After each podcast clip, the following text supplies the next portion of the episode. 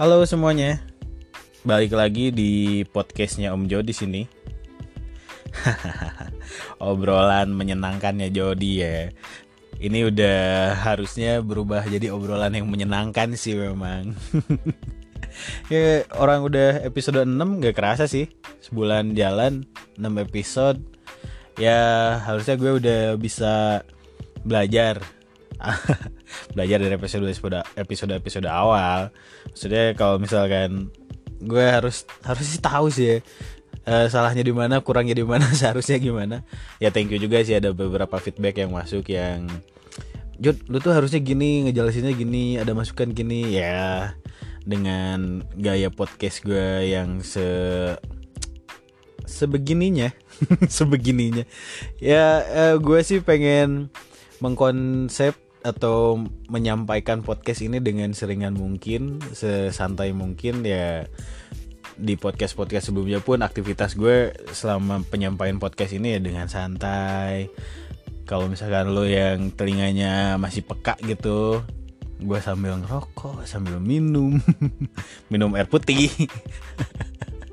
ya gila sih maksudnya kalau misalkan gue di sini ngobrol uh, sekian menit 10 menit 15 menit nggak kerasa juga sih. Tahu-tahu anjir udah hampir setengah jam nih. Udah anjir udah lebih dari 20 menit. Kebayang ya nih orang ngomong sendiri 20 menit. Ya aktivitas lo di dalam satu ruangan ini lo ah monolog sendiri.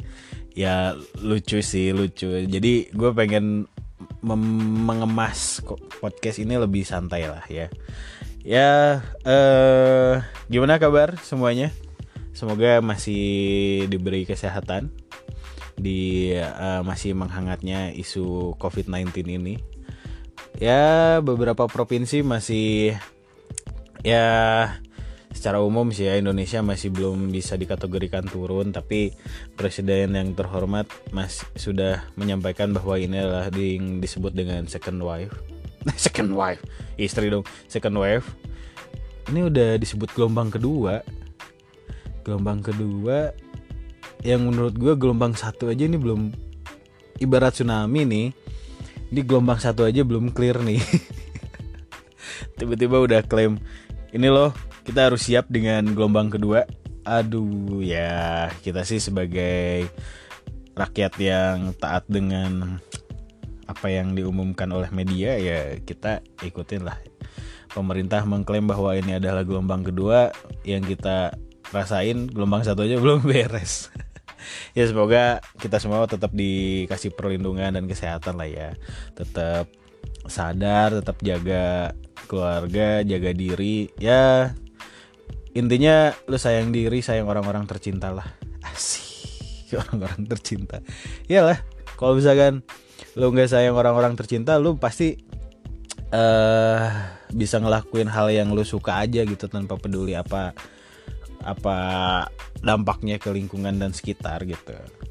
Ya pokoknya tetap hidup sehat hidup bersih stay safe stay clean. Asik so English banget sih Aji ya ya pokoknya semoga kita sudah bisa beradaptasi dengan cepat dengan baik dengan kondisi ini ya.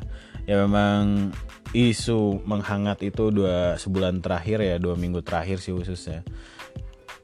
Antibody sudah ditemukan antivirus antivirus sudah ditemukan.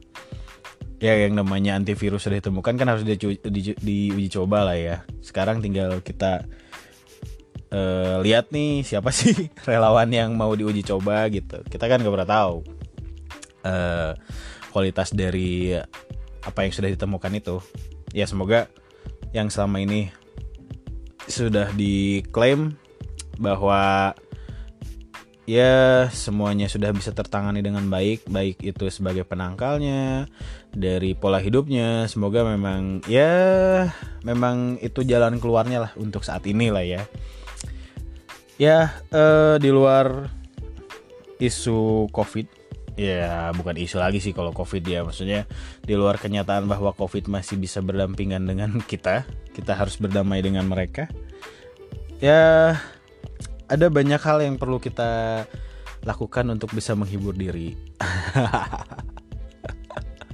Iya maksudnya kalau misalnya kita terus meratapi ya kita nggak pernah tahu nasib kita kayak gimana ke depannya. Apakah uh, semoga semuanya bisa berakhir atau kapannya kita nggak pernah tahu gitu ya. Kita bisa jadi lebih baik lah ya untuk secara perilaku dan ke kehidupan. Ya kita harus cari-cari hiburan. Ada banyak orang yang sudah mengaplikasikan beberapa cara menghibur diri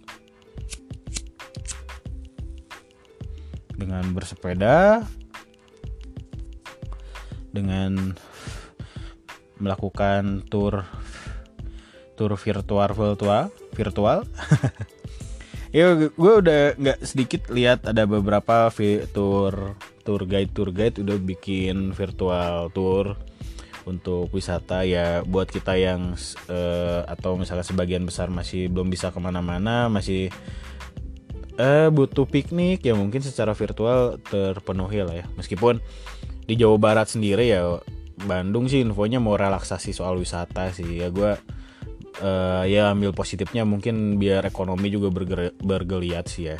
Ya cuman dengan berbagai resiko yang memang harus diperhitungkan baik buruknya gue sih berharap ini sudah terhitung dengan matang. Cuman bukan hanya mengutamakan satu sisi sisi ekonomi ya gue harap relaksasi pariwisata di Indonesia yang ya khususnya Jawa Barat sendiri infonya sudah mulai merelaksasi pariwisata karena memang Jawa Barat sendiri potensi pariwisatanya yang ya bukan sumber utama sih cuman ya potensinya banyak ya semoga ini menjadi trigger untuk bisa kita berkehidupan secara new normal dengan lebih baik lah ya.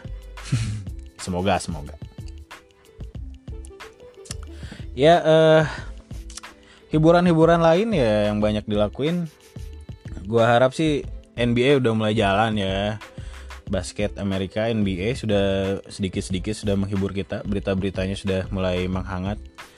Ya menurut gue tuh jadi ya, selingan-selingan dari kejenuhan sehari-hari lah ya yang kita harus bekerja kita harus beraktivitas tapi dengan pola yang uh, masih semua dibatasi ya akhirnya monoton kan mau nongkrong susah mau ngopi jadi terbatas makan di luar juga jadi insecure ya hiburan dari olahraga sih menurut gue bisa jadi alternatif lah ya. Si NBA di Amerika udah mulai jalan dengan tanpa penonton penontonnya ada yang virtual.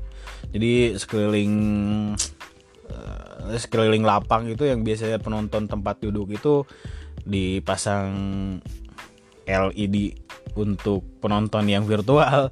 Ya good sih maksudnya ya. Bagus lah memang itu yang ya kita juga di yang di Indonesia akhirnya terhibur juga sih. Maksudnya tim favorit gue LA Lakers yang masih mencoba menstabilkan diri. Ya akhirnya gue bisa mengolah mengolah gitu. Setelah kemarin Liga Inggris tuntas dengan Tottenham yang finish masuk Liga Eropa ya lumayan lah ya jadi hiburan.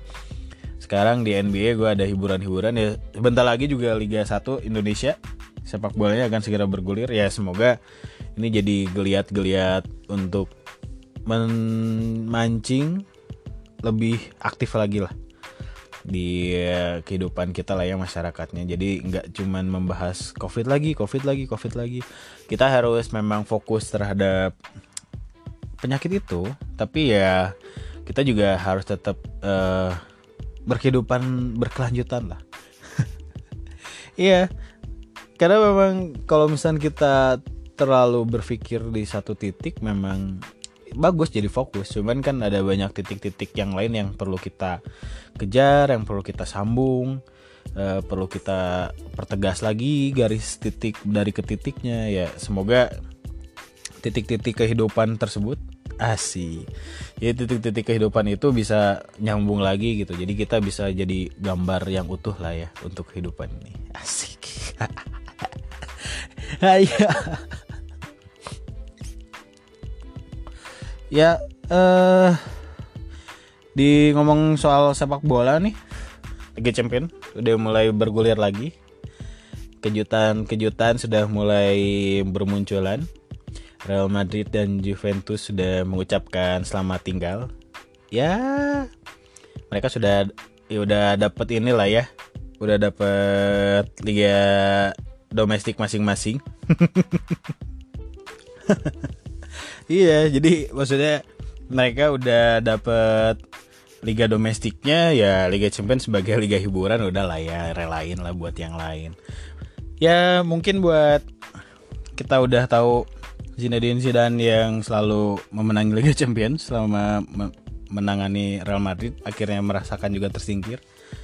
Ya hujan juga ada berhentinya sih ya masih banyak lah tim-tim bagus yang eh, musim ini lagi stabil lah. Banyak target kayak Manchester City kan dia lagi ngejar target untuk mencapai Liga Champions mendapatkan Liga Champions itu jadi mendatangkan Guardiola sebagai pelatih sebagai bentuk ambisinya mendapatkan Liga Champions ya semoga lah ya. Tahun ini bisa jadi tahunnya Manchester City atau misalkan Atalanta kita nggak pernah tahu. Atalanta di Liga Italia pun mereka terakhir urutan 3 golnya hampir 100 cetak golnya. Di angka 99 loh gila. Juventus yang juara liganya pun kalah untuk gol yang dicetak mereka. Ya semoga Atalanta pun bisa ngasih kejutan tersendiri kan kita nggak pernah tahu kan ya. Ya Liga Eropa emang agak susah diprediksi lah ya. Ya Liga Indonesia sekarang udah memulai semoga uh, bergeliat lagi nih atmosfer atmosfer supporternya semoga jadi pengalih dari berbagai isu yang tidak sedap. Asih isu tidak sedap. Iya loh ini loh. Maksudnya gue dalam kondisi COVID-19 ini yang serba semua khawatir semua serba ketakutan sih lebih condong ke arah ketakutan orang sebagian orang masih percaya covid ini nggak ada. Dan itu yang bikin gue ya please lah. Lu mau hidup uh, normal lu, lu mau hidup uh, semau lu itu terserah lu gitu. Tapi ya biarkan hargai orang-orang yang percaya dan sedang berusaha untuk memperbaiki kondisi orang-orang yang berusaha ya di garda terdepan dengan isu-isu bahwa ya covid tuh nggak ada ini nggak ada. Ya itu jadi sesuatu yang berbahaya sih misinformasi yang menurut gue itu bisa mencerumuskan lah ya. Kalau misalkan memang itu diseriusin gitu maksudnya diseriusin bahwa isu covid nggak ada itu ya itu udah bahaya bahaya banget sih. Ya please untuk orang-orang yang tetap percaya covid itu nggak ada please uh, hargai. Orang-orang yang percaya bahwa covid itu ada cukup itu aja lah nggak nggak usah nggak usah perlu lo berpikir bahwa ini soal isu politik isu isu bisnis dan yang sejenisnya. Lu cukup berpikir bahwa ini ada orang yang percaya ada orang yang tidak percaya. Orang yang tidak percaya udahlah hargain orang yang percaya dan lu bermasturbasi lah dengan pikiran lu sendiri. Persoalan covid itu nggak ada ya silahkan lah. Lu bermasturbasi pikiran sendiri lah. Lu nikmat nikmat sendiri uh, resiko resiko ditanggung sendiri. Ya uh, karena ya di sosial media sendiri memang sejauh ini obrolan soal covid bahwa covid itu nggak ada ya agak agak agak mengkhawatirkan sih ya cuman ya yang namanya sosial media kan informasinya termasuk yang masif ya masif itu kecepatan informasi di sosial media itu ini kayak kecepatan di tahun di tahun 80-an di tingkat RT RW kelurahan. Ketika ada satu gosip, satu isu itu nyebarnya cepat gitu. Dan itu kecepatan sosial media, informasi sosial media itu lebih cepat dari isu yang ada di masyarakat tahun 80-an, 90-an itu. Makanya eh sosial media ini jadi sarana yang uh, buah si malakama buah si malakama itu ya ketika lo ada informasi yang positif tersebar dengan cepat itu sangat baik lah menurut gue ya tapi ada informasi yang negatif itu orang jadi hmm, nggak nggak disaring sih enggak ya menurut gue ya. Karena memang setelah mendapatkan informasi sebagian orang ya kebanyakan orang masih berpikir berpikir nih berita bener nggak ya berita bener nggak ya. Tapi titik jenuh orang kan udah batasnya udah mulai variatif nih. Ketika orang ini ya anggaplah ya contohnya orang ini salah satu yang terdampak dari efek dari covid sendiri. Ya dia dirumahkan atau misalkan pendapatannya jadi berkurang dengan covid tingkat berpikirnya mereka menjadi nggak terlalu nggak terlalu nggak terlalu menggali terhadap informasi yang didapat gitu. Jadi ya kalau misalkan informasi yang salah mereka telan karena keterbatasan berpikir mereka akhirnya ya mereka berpikir tanpa mengolah dulu gitu. Mengolah dulu data apa yang mereka dapat. Ya itu yang menurut gue yang ya please ini sosial media itu jadi sebuah sarana yang buat si malakama yang menurut gue ya. Ya eh uh, sekarang kita ngomongin sosial media memang di sosial media sendiri udah banyak topik-topik yang hangat sih.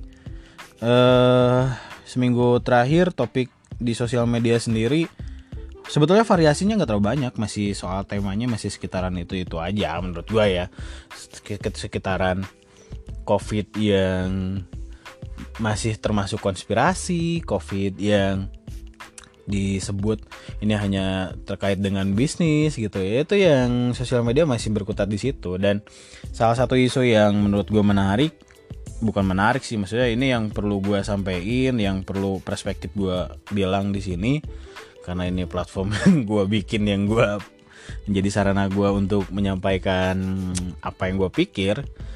Di sosial media seminggu terakhir isu soal ya sebetulnya isu ini udah bergulir sekitar sebulan terakhir. Isu soal eh uh, pelecehan seksual ke perempuan sih. Itu yang menjadi concern gue sih. Maksudnya bukan concern ya. Hmm, menjadi hal yang menurut gue ini kok kayak yang nggak nggak ada habisnya sih.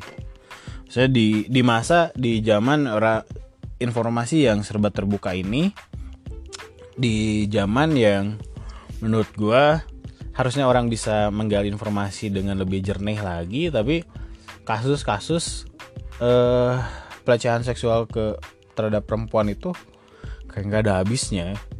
Ya uh, gue sih memang samplingnya ya di sosial media aja sih. Salah satu platform yang gue concern di sini ya Twitter sih ya. Saya di Twitter kan memang open source gitu. Jadi sumbernya semua terbuka.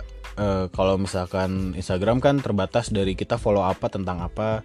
Ketika ada orang baru repost baru kita tahu bahwa informasinya apa. Tapi kalau misalkan di Twitter kan lo bisa lihat di yang trending tuh soal apa sih gitu. Bayangin sebulan terakhir aja terkait dengan pelecehan seksual ini udah berbagai gender akhirnya kena kan isu soal pelecehan seksual ke perempuan ini nggak pernah ada habisnya. Terakhir ada yang fetis tertentu terhadap ternyata gendernya ke sesama gender ke laki-laki juga gitu. Itu yang menurut gue pelecehan seksual itu sebetulnya nggak memandang gender sebetulnya menurut gue ya. Cuman memang superioritas uh, satu gender terhadap gender yang lain itu ketara di beberapa kasus yang sekarang lagi mencuat gitu. Ya uh, eh, gue di sini nggak nggak mau ini kenapa harus terjadi sih menurut gue tapi lebih ke ya gue pengen bukan menjudge atau menjustifikasi bahwa semua yang terjadi itu karena A dan B gitu. Tapi lebih ke gue sebagai laki-laki di sini ya gue bisa mengajak kaum gue lah. Ya kaum gue itu gimana ya ya susah sus, susah untuk dideskripsikan karena memang ketika sampai ada di sosial media Twitter itu sampai ada yang bikin template orang-orang yang berkacamata untuk yang melakukan uh, tindakan yang tidak sesuai norma kepada perempuan. Itu satu template udah lebih dari 10 foto dan isinya eh uh, dan isinya itu serupa pakai kacamata dengan uh, perilaku seksual yang terhadap pelecehannya itu sebetulnya variasi gitu. Maksudnya variasi itu nggak cuma satu misalkan pemerkosaan saja atau misalkan uh, pelecehan secara eh, kata-kata aja itu di situ banyak variasinya gitu kenapa semua itu terjadi cuman kan jadi ironis maksudnya ironis itu ketika foto itu foto template dari puluhan orang yang terkait dengan pelecehan seksual itu dipampangkan tapi nggak berhenti gitu. Gue sih ya mengajak kaum gue ya para lelaki lah ya. Dan gue pun akuin gue bukan belum lah belum menjadi orang yang baik lah. Tapi setidaknya gue sadar apa yang gue lakuin gitu. Ya maksudnya kalau misalkan gue melakukan sesuatu terhadap lawan jenis ya gue harus berdasarkan kesepakatan sendiri kesepakatan dulu gitu gue harus sampaikan apa sih yang gue pengen ketika si cewek itu merespon dengan baik ya udah tapi kalau misalkan merespon dengan tidak baik ya gue nggak perlu maksa ya kebanyakan kan ya bukan kebanyakan memang dasarnya uh, pelecehan seksual itu pertama ada yang dilakukan secara paksa, ada yang dilakukan secara si lawan jenisnya tidak awalnya tidak sadar akhirnya sadar bahwa itu sebuah pelecehan gitu. Ya kita sebagai pelakunya uh, sorry bukan kita. Gue sih enggak ya. Maksudnya kaum kita sebagai pelakunya please untuk menyadari bahwa apa yang lo lakuin itu bakal berdampak seperti apa gitu. Nggak selamanya uh, cewek yang mau diajak ngobrol terbuka itu dalam berbagai konteks dalam tanda kutip ya terbuka akhirnya lu anggap si cewek ini bisa terbuka terhadap hal-hal yang terkait uh, seksual gitu. Nggak se nggak se nggak sesimpel itu karena memang terkait seksual pun harusnya itu menjadi ranah yang memang ya itu ada bahasa kerennya kan harus ada konsen di situ gitu. Maksudnya ya lu pengen ngelakuin A, lu pengen ngelakuin B terhadap lawan jenis, ya lo lakuin secara sepakatan bersama-sama. Tapi kalau misalkan lu maksa, lu memanfaatkan situasi,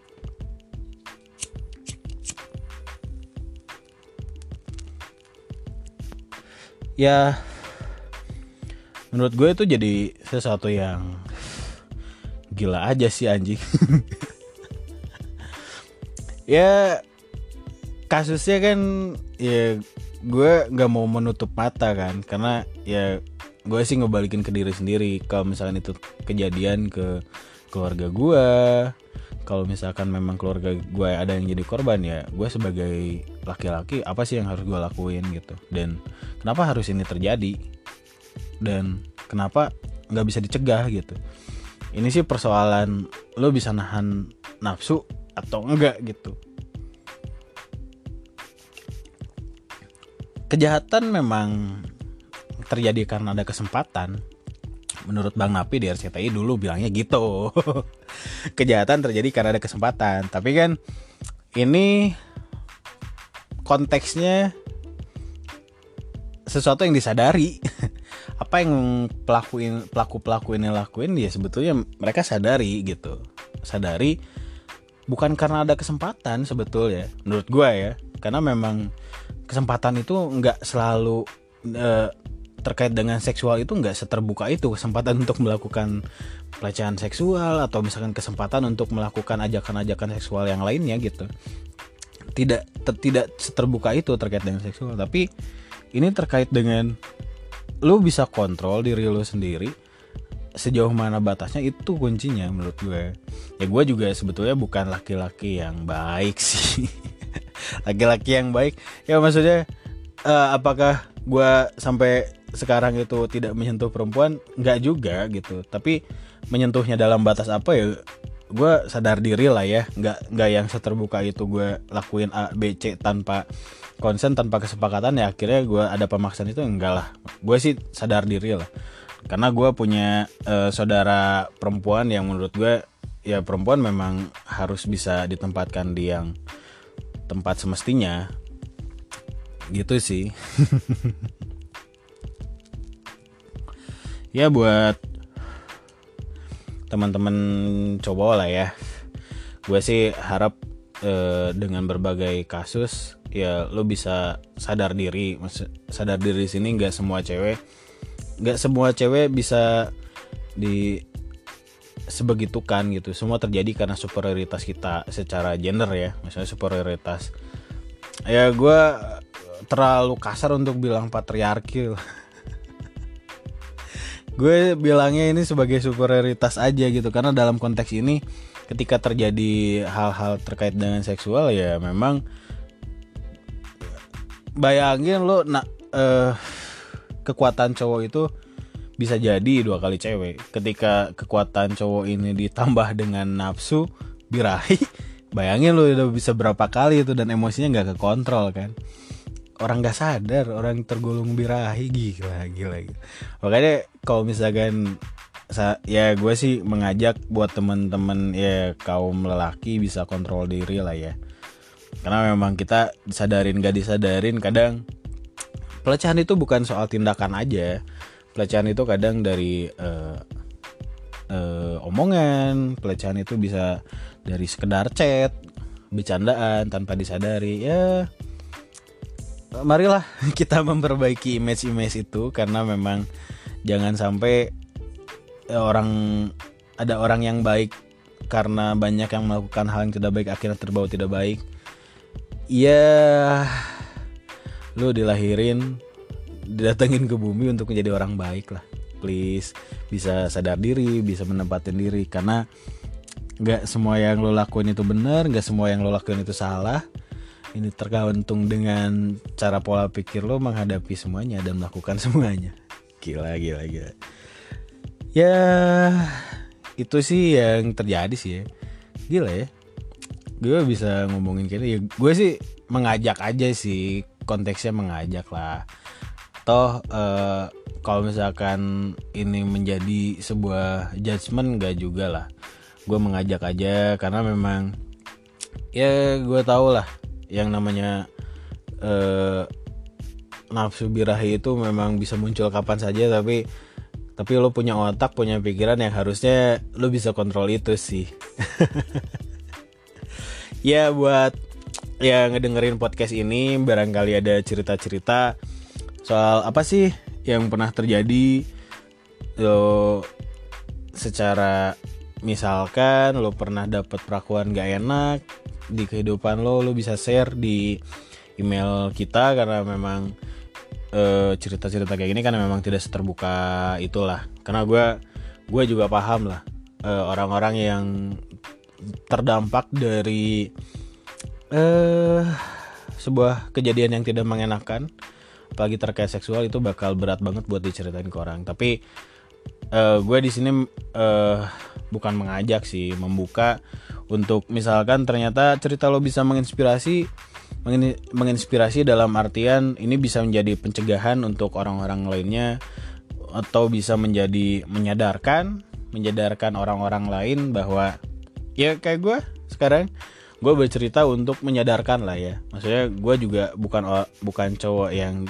tidak menyentuh wanita sama sekali tapi ketika ada satu hal yang tidak wajar untuk orang-orang sekitar teman-teman gue lakukan terhadap satu cewek ya gue coba mengingatkan lah.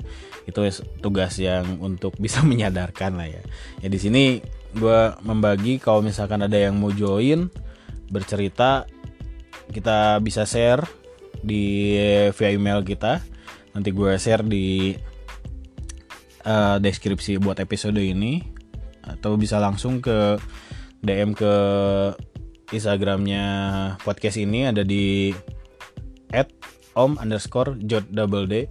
Itu di IG-nya bisa DM anonim pun terserah lah ya. Karena gue gue sih nggak menjadi cerita-cerita tersebut untuk jadi konten yang mencari manfaat apa keuntungan di dalamnya. Tapi gue coba membangkitkan men-trigger untuk menyadarkan. Karena memang eh uh, isu soal ini menjadi yang menghangat karena memang skala umurnya makin ke sini usia-usia pria-pria pria wanita muda sudah sudah sangat seterbuka itu terkait seksual. Mari kita uh, mendidik bersama-sama kehidupan sosial kita. Semoga menjadi lebih baik lagi.